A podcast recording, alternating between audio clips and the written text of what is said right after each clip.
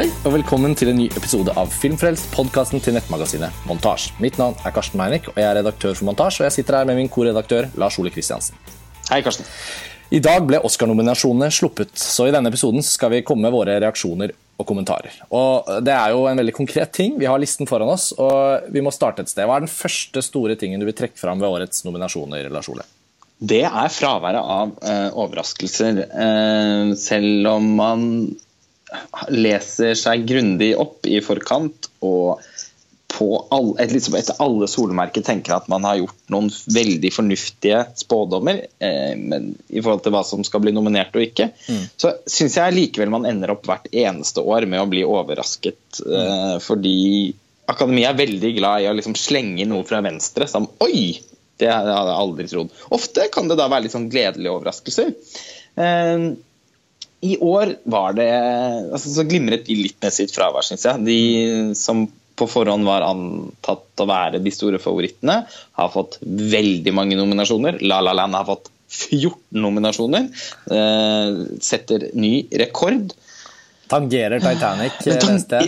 Ja, ok. Tangerer. Da, men da, jo i, da holder man jo rekorden ved siden av. Ja, altså Det var jo kanskje enda flere nominasjoner enn man kunne tenkt seg. Ja, og La La Land har jo vært den store samlede favoritten, den man regner med at har fått mange nominasjoner. Så det er på en måte ingen overraskelse. Ja, og Den satte jo rekord også nylig ved å vinne syv Golden Globe-priser. Så, eh, så, ja, Men det er på ingen måte en overraskelse at den gjør det så skarpt. Eh, Moonlight og Manchester by the Sea også akkurat som forventet.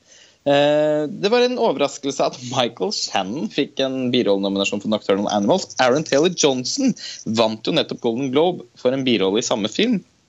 Men det ble altså Michael Shannon som vant Akademiets hjerte. Og det morsomme er Nokså ubegripelig, ja, syns jeg. Ja, for Da vi så den filmen i Venezia for et halvt år siden, så følte jeg det eneste som var verdt å snakke om, var at det var Amy Adams hvert fall, som gjorde en hun gjorde en god innsats, og Jake Gyllenhaal ja. var rimelig god i en ellers ganske mislykket film. Og så er det på en måte Michael Shannon som får, ender opp med en Oscar-nominasjon. Det, det, er på en måte overraskende, men ikke på den der gledelige overraskelsen, sånn som f.eks.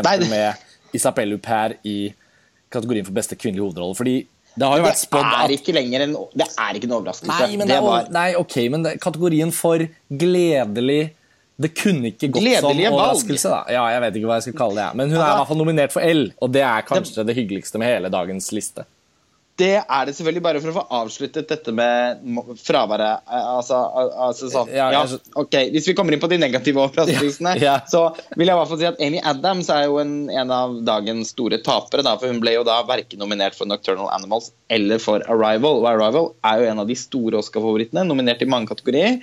Og eh, hun måtte da ofres på en eller annen sitt alter. Jeg vil ikke si at det er Isabel Huppert alter, fordi hun er den som fortjener nominasjonen mest av alle sammen. Mm. Men eh, Ruth Negga fra 'Loving' og Meryl Streep i 'Florence Foster Jenkins' eh, de, nok, de var begge litt sånn på vippen, eh, mens Amy Adams var regnet for å være ganske safe. Så, så, det er jo litt kjipt, eh, særlig fordi hennes rolleprestasjoner i begge de to filmene hun har medvirket i, har vært fantastisk bra. Ja, kan man, man kan jo eh, spekulere i at det kanskje ble stemmer til begge filmene, og at hun sånn sett ikke ble nominert? Eh, at hun slo seg selv jeg litt? Jeg spekulerer i det. Ja, eh, og... Jeg tror det. Altså at, at, mange At det er akkurat litt for mange som har stemt på rollen hennes i Nocturnal ja. Animals og så blir det, blir det, akkurat for få i begge leirer. på en måte. Og Det er så synd, for jeg tenker Amy Adams, da, siden hun er blitt nominert fem ganger på de siste ti årene, så må man jo mm. kunne si at hun er en akademifavoritt. Samtidig så har hun ikke vunnet noen Oscar ennå, og det er jo også like forbløffende som det er uh, Det var omtrent like forbløffende. Ja, altså det var omtrent like forbløffende som det var veldig lenge at Kate eh, Winslet aldri vant noen Oscar. Men ja, så, så lot det seg fikse. Ja. Det så lot det seg fikse. Uh, en, en, annen altså Isabelle Huppert føler jeg det, det, var ikke noe overraskelse. Jeg hadde veldig stor tro på det, særlig pga. Golden Globe. Fordi mm. her kunne faktisk Golden Globe være med å påvirke. Det at hun vant den prisen, har jo gjort at mange skuespillere har blitt mer oppmerksomme på filmen, og mm. kanskje fått tid til å sette den før de Eh, har eh, stemt. Så, så er, men uansett så er det helt fantastisk gledelig. Dagens store høydepunkt. På en god annenplass finner vi noe jeg vil kalle mer en overraskelse, men som vi internt hadde spådd, nemlig at Mel Gibson ville gå all the way ja. og få en reginominasjon. Ja. Og det er jo så rørende! Ja, det er på så mange måter rørende og verdt å glede seg over. Ja. Altså, denne samtalen startet jo i Venezia, og her tror jeg dere kan spole tilbake til den podkastepisoden vår om Hacksaw Ridge. fordi når en så solid film, da tenker jeg bare i form av ren sånn craft men også en film som vi likte veldig godt. Men som jeg tenkte er ikke sikkert alle liker den like godt som oss, men ok. Den er så bra på så mange ting, og vi snakket om det. Og likevel, da, så lar den seg bare den vare gjennom sesongen, selger masse kinobilletter, gjør sånn kjempebox-office på verdensbasis hvis du måler opp alt i forhold til budsjett og sånn. Mm. Som er jo selvfølgelig Mel Gibson har jo et enormt publikum, det må man jo ikke glemme. Og så, kommer, og så kommer Elsket av publikum, da. Den har jo Uh, altså, Den er jo allerede liksom solid inn, plantet på den derre eh, topp 250-listen til Intermovie Database, sånn 8,5 i snitt. Ja, for jeg skulle inn og hente opp det snittet nå. Du viste meg det for noen uker siden, og jeg hadde ikke fulgt med. 8,5, ja. Den er på 91.-plass nå, på topp 250.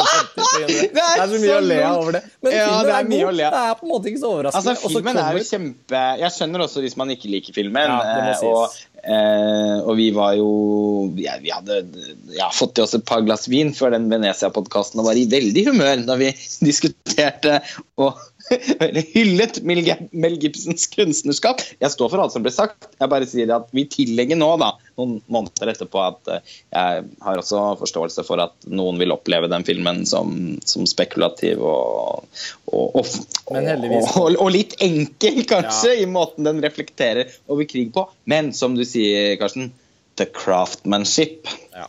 Altså filmskapingen i Hacksaw Ridge, den er jo til tider helt utrolig. Og i en bunke med ganske dølle filmer, så må jeg jo si at jeg syns det er altså, svært gledelig at Mel Gibson får den anerkjennelsen. Og bare gøy! Altså, Akademiet elsker en god comeback-historie. Det var jo også et element som jeg følte veide tungt i det jeg bare for noen dager siden følte meg skråsikker på i en diskusjon i Tromsø, at Mel Gibson kom til å bli nominert. Ja. Og, og, det er en ekte comeback-historie. Det er en ekte comeback-historie. En annen en bit, et annet trekk vi kan spore i årets nominasjoner, er jo faktisk at filmfestivalen i Venezia har jo endt opp med å lande ganske mange av filmene som, er, eh, som ligger i fronten her. Fordi Arrival Det er en, morsom, det er en morsom observasjon. Og dette var jo en filmfestival i Venezia som vi hadde veldig store, spesielt store forhåpninger En årgang i Venezia som vi hadde spesielt store forhåpninger til og som vi ble totalt sett ganske skuffet over.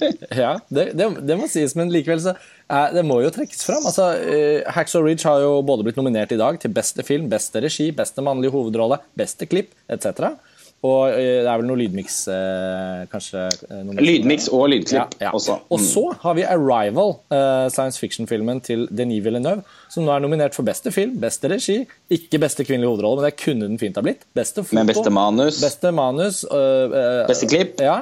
Lydmix. Lyd, altså, ja, og, kjempemange nominasjoner. Og La La Land, selvfølgelig. Det er også en Venezia-film. for de som ikke vet det, var åpningsfilmen der. Og så uh, er det da Nocturnal Landman som plukket med seg en liten nominasjon. Så, så ja, hva skal og si? Jackie, da. og Jackie, var selvfølgelig var i Venezia. Som, beste kvinnelige hovedrolle. Natalie Portman, beste musikk. Ja, forferdelig nok bare fått tre nominasjoner. Ja. Det er jo nitisk. Det, det er årets store taper, føler jeg, i forhold til hva slags potensial den ja, det egentlig har. har vi kanskje ikke diskutert direkte på Filmfrelst ennå, men vi har jo snakket om det mye. at ser på, Nå har vi begynt å se Nå har vi jo sett veldig mye Oscar-filmer. da Nå har vi fått sett Manchester by the Sea, vi har fått sett Moonlight, vi har sett, uh, du har fått tatt et gjensyn med La La Land etc. Men vi har jo landet litt på at i, i, i tillegg til sånn som Hacks of Ridge, da, så er jo også liksom the craftsmanship og the artistry, kan man si, for å bruke disse engelske ordene, mm. ved Jackie er egentlig liksom på toppnivå i år. Det er kanskje den filmen ja. som hadde Den kunne fint båret og fått 10-12 Oscar-nominasjoner i dag. på en måte. Blant alle de filmene som, Hvis vi tar utgangspunkt i de filmene som da liksom er blant de mest nominerte filmene, så er jo den helt klart den beste. Så ja. Eh, nå, det, det, men den blir liksom litt sånn årets Carol. Uh, selv om Carol da strengt tatt fikk fikk mange flere seks nominasjoner. eller hva det var. Uh, ja, Men den mistet også ut i de viktige, store, eh, største kategoriene. Det ble ikke film, nominasjon for beste film, det ble, ble ikke nominasjon for uh, for Todd Haines for, i regikategorien. Altså, den gjorde jo også Og den vant jo, ikke minst så vant den ingenting. Og den hadde på en måte litt den posisjonen i fjor, fordi Carol var en helt, perf liksom en helt perfekt film. Ja. og det er også Jackie. Det er på en måte Det er ingenting i den filmen som ikke sitter.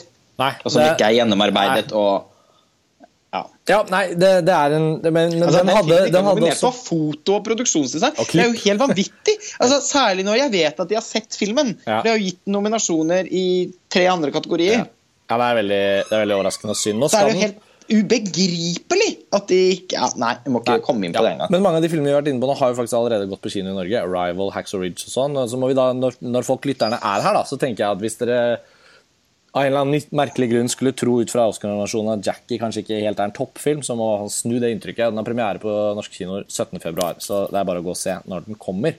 Det er uka før Oscar-utdelingen. Eh, andre ting Vi må jo ta inn det norske perspektivet. da. 'Kongens nei' var på shortlisten for beste ikke-engelskspråklige film, og ble mm. dessverre ikke nominert. Og det hadde den faktisk fortjent. Filmen det var et nei til kongens nei. Ja, det var veldig leit. God, veldig leit. Det var leit, og det kan man jo ikke gjøre noe med. Men den kom Jeg må innrømme at jeg hadde, jeg hadde veldig tro på at den kom til å få nominasjon. Først og fremst fordi filmen er så god, eh, og den er så godt tilpasset det vi har vent oss til å eh, tenke på som mm. akademiets eh, smak. Mm. Jeg hadde nok faktisk tro på at 'Kongens nei' skulle komme foran denne En mann ved navn Ove. Ja, det er den svenske filmen. Den har ikke jeg sett, må jeg si, men jeg har sett den danske, 'Under sanden'. Den har vi jo snakket om tidligere. Og 'Min pappa Tony Erdman', som vi har snakket om mye. Så de to, for eksempel, da, 'Under sanden' og 'Min pappa Tony Erdman', det er jo filmer som absolutt fortjener å være der, føler jeg. Ja, og altså, I særlig grad selvfølgelig Tony Herman, da, men, uh, men 'Under sanden' nå er jo en film, det, det, er jo en film som jeg tenker veldig rett kan finne på å vinne. Ja, på mange uh, måter. Tidligere var jo dette en notorisk uforutsigbar kategori.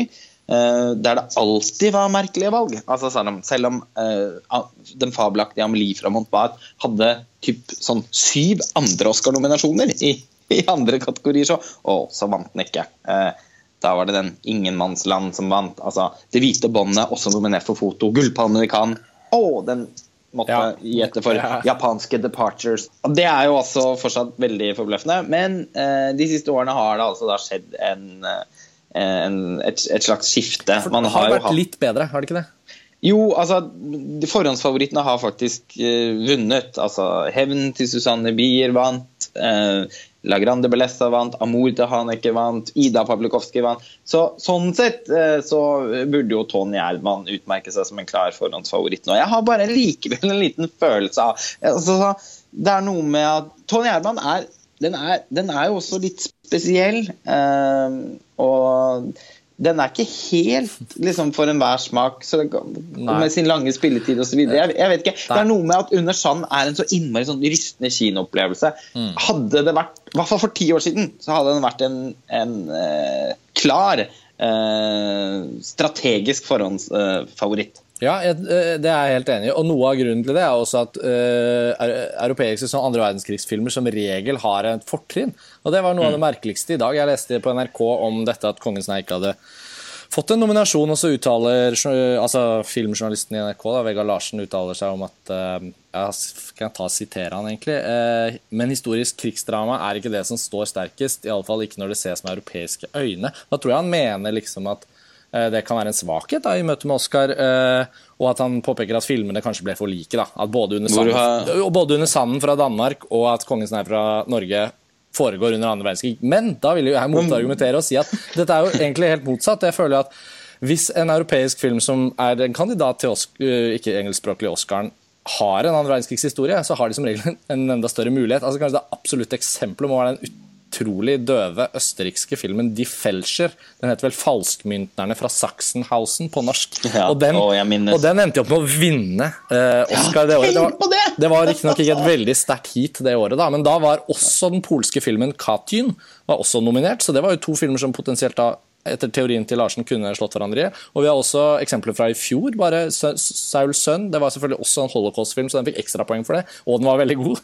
Og Ida året før fra Polen. altså, er, Hvis man leter, så er det enormt mange eksempler ja, så, på dette. Liksom, så jeg syns ikke det andre har nominert opp igjen altså Europa, Europa til Agnieszka Holland. Ja, og, og så føler jeg at Kongens nei kan ikke på en måte forklares bort pga. det. Det ville jo vært heller motsatt, at det ville vært en styrke. Og hvis man ser tilbake på, Jeg mener jo til og med at Kongens er kanskje den beste kandidaten vi har hatt på veldig mange år. Kon-Tiki ble nominert i 2012, men det var nesten Der var jo overraskelsen at den faktisk klarte det, fordi filmen er dessuten svakere enn 'Kongens nei' og hadde ganske mange rare, litt sånn eventyraktige elementer som sjelden altså, Det var jo mer en adventure-film. Den ble jeg oppriktig overrasket over at fikk nominasjon. Syns mm. selvfølgelig det var artig, eh, selv om jeg ikke syns filmen er så overveldende god. Men, eh, men med 'Kongens nei' så følte jeg umiddelbart, etter å ha sett filmen lenge før den Oscar-shortlisten kom, så følte jeg at nå har vi liksom en, en reell sjanse, og den beste mm. vi har hatt på lenge. Og hvor, altså hvor, hvor NRK tar det fra at uh, det er uh, ufordelaktig og, og, og med, altså sånn, i denne kategorien å handle om andre verdenskrig, det, det, må være bare manglende research, tror jeg. Ja. Men vi har i hvert fall da fått kommet inn på det norske, og da må jo den litt sånn forunderlige eh, følelsen stige opp når at den norskeste vi kan gjøre årets nominasjoner, det er jo at Morten Tyldums film, store Hollywood science fiction-film som hadde premiere i romjulen, 'Passengers', den har ja. to nominasjoner! Og det første og morsomste, da må, vi jo, må vi snakke litt om Thomas Newman. For det er jo komponisten som Tyldum har brukt, og som nå ble nominert for Ja, hvor mange ganger har han vært nominert? Altså, Nå har jo han offisielt forbipassert Roger Deakins som den tyngst nominerte og fortsatt nominerbare som likevel ikke har fått en eneste Oscar-pris. Ja. De har ligget likt med 13 nominasjoner, ja. men ettersom uh, Oscar Deakins ikke ikke ble nominert for eh, sitt arbeid på Cohen-brødrenes 'Hail Cæsar, slik faktisk mange andre trodd mm. eh, i dag, så har nå eh, Newman eh, forbipassert ham med sin 14. nominasjon for Passengers. Og Passengers, som de vel fleste er klar over, er jo ikke akkurat noe kunstnerisk bragd. Eh, faktisk en ganske nitrist film på mange områder, men, men den har gjort hjertetollig bra. Og, og, ja, er, Den kommer til å spille inn over 300 millioner dollar på verdensbasis. Så, så, så, sånn så Tyldum kan seile trygt videre i Hollywood-systemet. Tyldum kan seile trygt videre. Jeg har fortsatt tro på at han kan gjøre interessante ting også Absolutt. i Hollywood, selv om han ikke har klart å gjøre det så langt. Mm, men, men, eh, men Passengers er jo bare en kjempetrist film. Utrolig ja. at den i det hele tatt har blitt lagt merke til i Oscar-sammenheng. Men når det er sagt, Eh, altså Soundtracket er jo både artig og, og fengende, og noe av det bedre med filmen. At den Stena Line-aktige at det Stena Line-aktige produksjonsdesignet også har blitt nominert, det er nok en større gåte for ja, meg. Ja, for meg også. Det er jo rimelig forunderlig. I hvert fall når man er klar over hvor mange enormt gode kandidater det er i den kategorien da, til ethvert år, liksom. Eh, de øvrige, de øvrige nominerte i beste produksjonsdesign er da Arrival og La La Land, selvfølgelig. Men også da, i tillegg til Passengers, så er det liksom Hail Cæsar. Jo da, det er sofistikert og det er ting som skjer i Hollywood, så kanskje det er lett å nominere den. Men også den Fantastic Beasts and Where to Find Them. altså men den har jo, hva, altså, Filmen hva, er ikke noe god, men den har jo et veldig flott produksjonsdesign. Ja. Han Stuart Craig, eh, som hadde produksjonsdesign på alle Harry Potter-filmene, og som ble nominert mange ganger for de òg, er jo en mester. Så den kan jeg ikke skrike ja. over. Altså Jeg tenker at det sikkert er rart at en Silence ikke er nominert her. Vi har jo ikke sett filmen, men eh, produksjonsdesign pleier å være en kategori hvor Martin Scorsese sine i hvert fall de håper å si, historiske eh, filmene hans På sett og vis er jo også selvfølgelig The Wolf of Wall Street et periodedrama. Ja, og ja, ja, produksjonsdesignet den er jo egentlig helt fantastisk, men den har jo en type stil som ikke appellerer i den kategorien. Men når han har laget altså, filmer som The Aviator og Gangs of New York, og, eh, så uh, har han jo gjerne ja, altså jeg, bare, jeg, bare tenker, jeg blir litt overrasket over at den ikke fikk noen nominasjon. Men jeg har jo ikke sett filmen. Når vi er inne på Scorsese, så må det bare skytes inn at filmen da bare har fått én nominasjon hvis ikke jeg så feil. Det var vel for beste foto av Rodrigo Prieto. Og hvis man drar den her Andrew Garfield-parallellen, da, så er det jo interessant å se hvordan Hacksaw Ridge bare har blitt mer og mer en Oscar-film og endt med masse nominasjoner, inkludert Andrew Garfield i beste hovedrolle.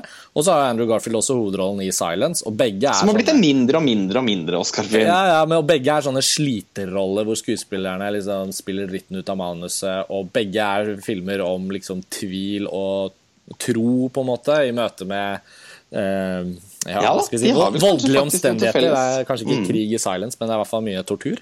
ut fra hva jeg har skjønt. Så ja, Andrew Garfield har jo i hvert fall heldigvis blitt nominert. Da. For jeg har inntrykk av at han også gjør en enormt god innsats i silence. Men den har fått så rar buzz foreløpig, og amerikanerne går på kino og ser den. Og sånn og sånn, og det er sånn drømmeprosjekt for Scorsese, og det er alltid farlig med sånne drømmeprosjekter rett etter alltid farlig med kommersiell suksess.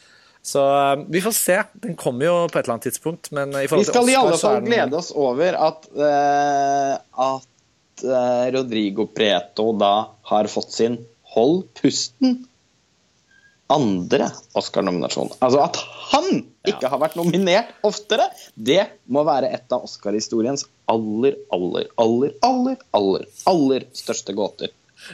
Ja, det var mange aller, men ja. Ja. ja, men altså, er det noen bedre altså, Det er ikke mange fotografer man kan telle på under én hånd hvilke fotografer de siste 15 årene som uh, er på hans nivå. Han har, altså, han har fotografert film, filmer som 25th Hour, 21 Grams, uh, Amores Perros, Frida, fantastiske filmen til Julie Tamer, 8 Mile.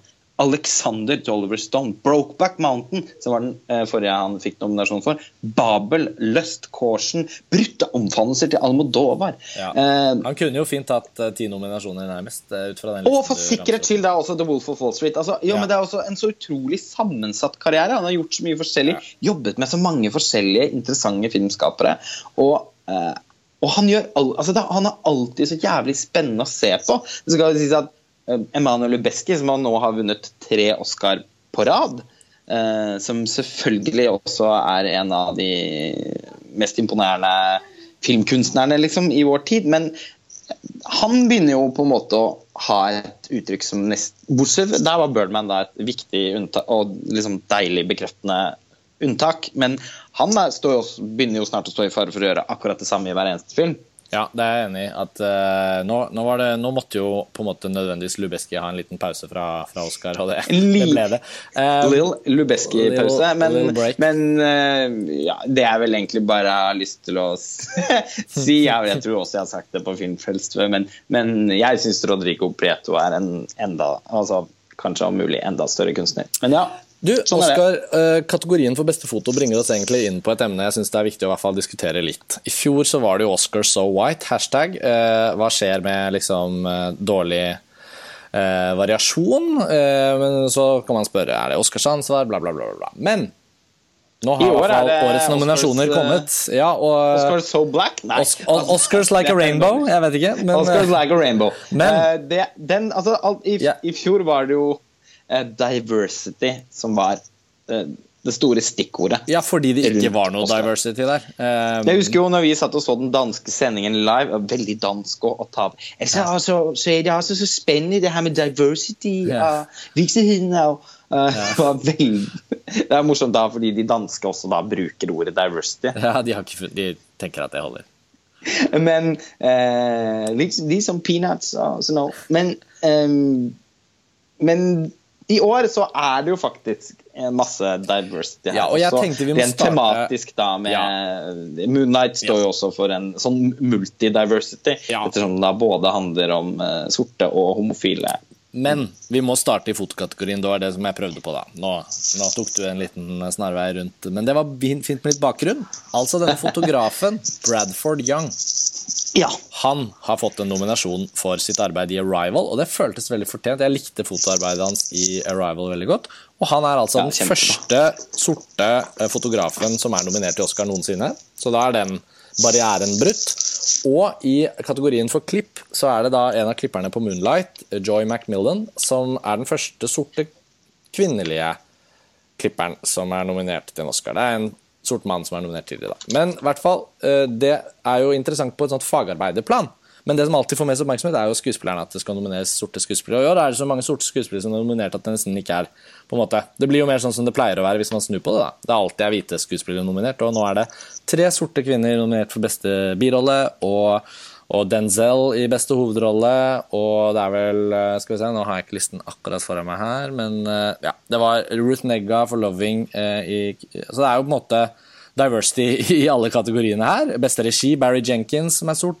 Og da, i beste film, så er altså både Denzel Washingtons 'Fences' Han ble riktignok ikke nominert for regi, da, men Denzel Washingtons 'Fences' og Hidden Figures, som handler om tre sorte matematikere som gjør en glimrende jobb i NASA og er veldig viktige, men deres historie er på en måte glemt. En sånn biografisk film. Og Moonlight. Mm. Altså tre filmer som på hver sin måte eh, forteller sorte historier fra Amerika. Og da, i tillegg til det, så har vi jo Lion, som er denne australsk regisserte historien om en en indisk mann som reiser tilbake for å finne ut hvor han kom fra. tilbake til India. Og Han er også nominert da Dev Patel, som vi husker fra Slamdog Millionaire, er nominert til beste mannlige birolle. Så her er det jo ja, Og det er jo litt morsomt. Altså, ja. bare sånn for, kort, for Jeg må innrømme at jeg aldri trodde det kom til å bli noe særlig skuespiller av han. Jeg er nei, veldig begeistret for Slamdog Millionaire, men jeg syns ja. aldri han har vært det beste med den filmen. Ja, nei. Og så er det jo veldig mye diversity i den eh, beste altså nominert til beste animasjonsfilm, Sutropolis, hvor flere dyreraser er representert i filmen. Altså Det er både kaniner og, og, og, og okser og, en rev og, så der, og doven, dovendyret bak disken. Så jeg syns det var veldig viktig at den kom med der, da, i, i, kategorien for beste animasjonsfilm. Ja, altså Nå skal vi jo ikke på en måte heller spøke bort Nei, jeg vet, men jeg mener, altså, Vi er ikke eksperter på temaet heller, så det er på en måte sånn, det er grenser for hvor langt dypt vi kan gå inn i det uten å utover å anerkjenne Vi er jo først og fremst bare opptatt av filmene. Og vi syns jo stort sett Oscar-akademiet gjør veldig dårlige valg. Så uh, sånn sett så har jo våre Oscar-irritasjoner opp gjennom årene skal det jo ikke stå på.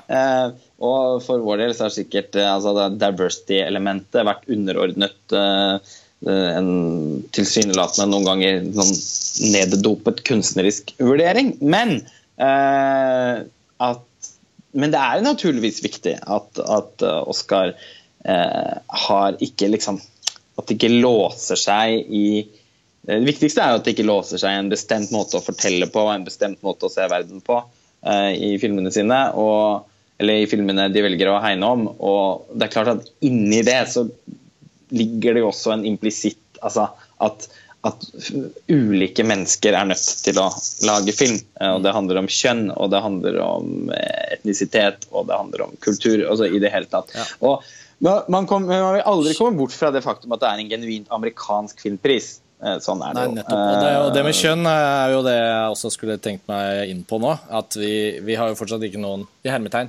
løsning på det problemet. fordi hvis filmer som ja, med Maren Ade da, som et hederlig unntak i, i beste fremmedspråklige filmkategorien, så er det jo på en måte ikke så mange kvinnelige regissører som er eh, med her. Det er verdt å trekke fram da, at i dokumentarkategorien nå så er jo både Det sorte Amerika og en kvinnelig regissør representert med 13th, Ava DuVernay. Og så er jo OJ Made in America, da, vår store favoritt, nominert. Den er høy, høy stor favoritt. Og også, Ra.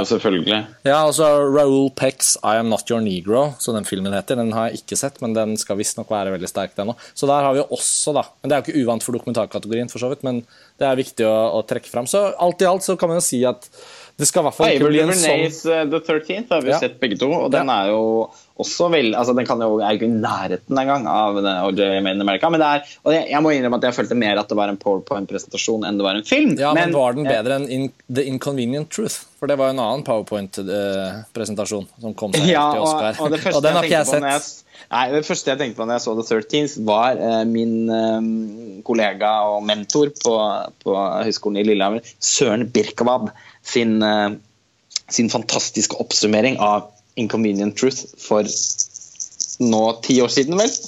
For jeg sa ja, altså, den filmen den var liksom en powerpoint-presentasjon. Men with power! Ja, og det gjelder jo for Turtint òg, da. Selvfølgelig. Det var, altså, ja. det var, nettopp derfor jeg tenkte på det. Ja. At, uh, akkurat sånn syns jeg Turtint var. Litt en powerpoint-presentasjon, men det var i hvert fall en powerpoint-presentasjon med power. Ja. Og uh, jeg følte meg opplyst og provosert og, og, og berørt uh, jeg var ferdig med å se filmen. Mm. Så, så jeg syns det er fint at den er nominert, selv om OJ Made in America selvfølgelig må vinne den prisen og kommer til å gjøre det. Ok, Skal vi si at vi nærmer oss slutten her? Det er jo veldig mange små kategorier hvor vi ikke har uh, sett filmene. altså Kortfilmkategorien og alt det. Jeg tror vi skal la det passere. Uh, ja. Avslutningsvis så er det jo til og med en Ikke bare er det favoritt Altså Ikke bare er La La Land en favoritt til å få alle disse nominasjonene som den fikk i dag. Men, jeg er vel basically en favoritt til å få nesten alle Jeg føler vel kanskje at Oscar-utdelingen er litt ferdig allerede. Det er, ingen, eh, det er ingen film som helt kan komme inn der fra venstre og stjele vekk de viktigste Nei, og etter at vi har sett Moonlight, som vi vel uh, må komme innom eh, på et senere tidspunkt Ja, La oss komme tilbake til den på et senere tidspunkt. Den, uh, jeg likte den litt bedre enn deg, men, men den skal diskuteres. Den syns jeg vi skal ha en egen podkast om. For det er ja, hvert fall altså, sånn, man, man, kan, man, kan, diskutere ulikt våre er bra eller dårlig, men det må i hvert fall være altså, årets mest overvurderte film. Og, men så med, med, med La La altså, Nå har jo året her vært kort, da, men altså, av, fra i fjor, da, ja. Eh, så, for den er jo en 2016-film, så er jo det, det er den filmen som i, hvor jeg i år virkelig liksom ikke kan fatte og begripe hvorfor den har fått så høy status. I, den er jo liksom fjorårets mest kritikerroste film. Så, ja, det, men, det, men, jeg er usikker på hvor mange priser Moonlight nå kan være favoritt til. Men La La Land er jo virkelig favoritt i så mange uh, priser. Eh, tar man ja, Golden Globe-prisene i betraktning, så er det jo nesten fare for sånn clean sweep. Ja, og etter å ha sett uh, Moonlight ja, for det er altså, dit jeg... Og mange liker den mye bedre enn meg, så å, men jeg synes den har så mange problemer med den filmen at jeg vet ikke hvor jeg skal begynne. Men uh, at den, den, har jo lenge vært tenkt på som en, faktisk nesten en favoritt i regikategorien. Men etter å ha sett filmen så føler jeg at det ikke er mulig. Det blir nok, det, det blir nok Damn Giselle. Ja, jeg tror også det, men det er Fordi altså, Den har ikke noe prangende regi. Altså, da må Nei. det bare være fordi at en sort skal vinne prisen, tror jeg. Fordi eh, ja. hvis man Nå mener jeg ikke sånn, sånn Jeg skulle jo ofte ønske at Oscar-akademiet kunne gi flere regipriser til en type film som 'Moonlight'. Ja. Det er ikke det jeg mener. Mm. Men den er ikke Altså eh, De pleier å gi regipriser til filmer som er prangende regissert. Det ser man. Det er jo årsaken til at film og regi stort sett har vært delt de siste årene. Regiprisen til 'Gravity' eh, filmprisen til en annen. Regiprisen til The Revenant, filmprisen til Spotlight. ikke sant? Så mm. hvis vi skal følge i det mønsteret der, så hadde det jo vært 'Moonlight' for beste film mm. og mm. Eh, mm. Damien Giselle og 'La La Land' for beste regi. Men ingen kan slå 'La La Land' på beste film heller, så jeg Nei. tror vi for første gang på mange mange, mange år, mm. egentlig første gang siden 'Slumdog Millionaire', mm. får en sånn clean sweep-situasjon. Jeg tror også det. Den kommer til å ta alle de storprisene. Og for å avslutte det med 'Moonlight', så tenker jeg at for, for 'Moonlight' sin del, så tror jeg faktisk beste adapterte manus er beste sjanse, fordi i den kategorien så er det ingen av de andre toppfilmene på den måten.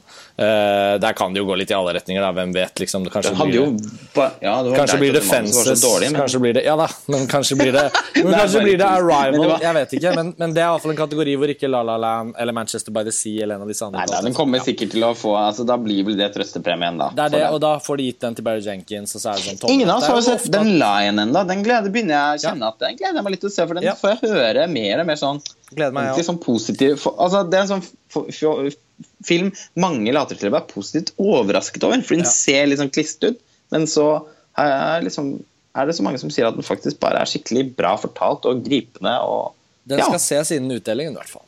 Men da har vi fått uh, spekulert litt, uh, og det er ikke så vanskelig å spekulere, fordi det er en klar favoritt. La La Land. Um, skal vi si at det var det? La oss si det. Ja. Takk for at dere hører på Filmfrelst, folkens. Vi er spent på å høre deres egne spådommer om Oscar-prisen i år.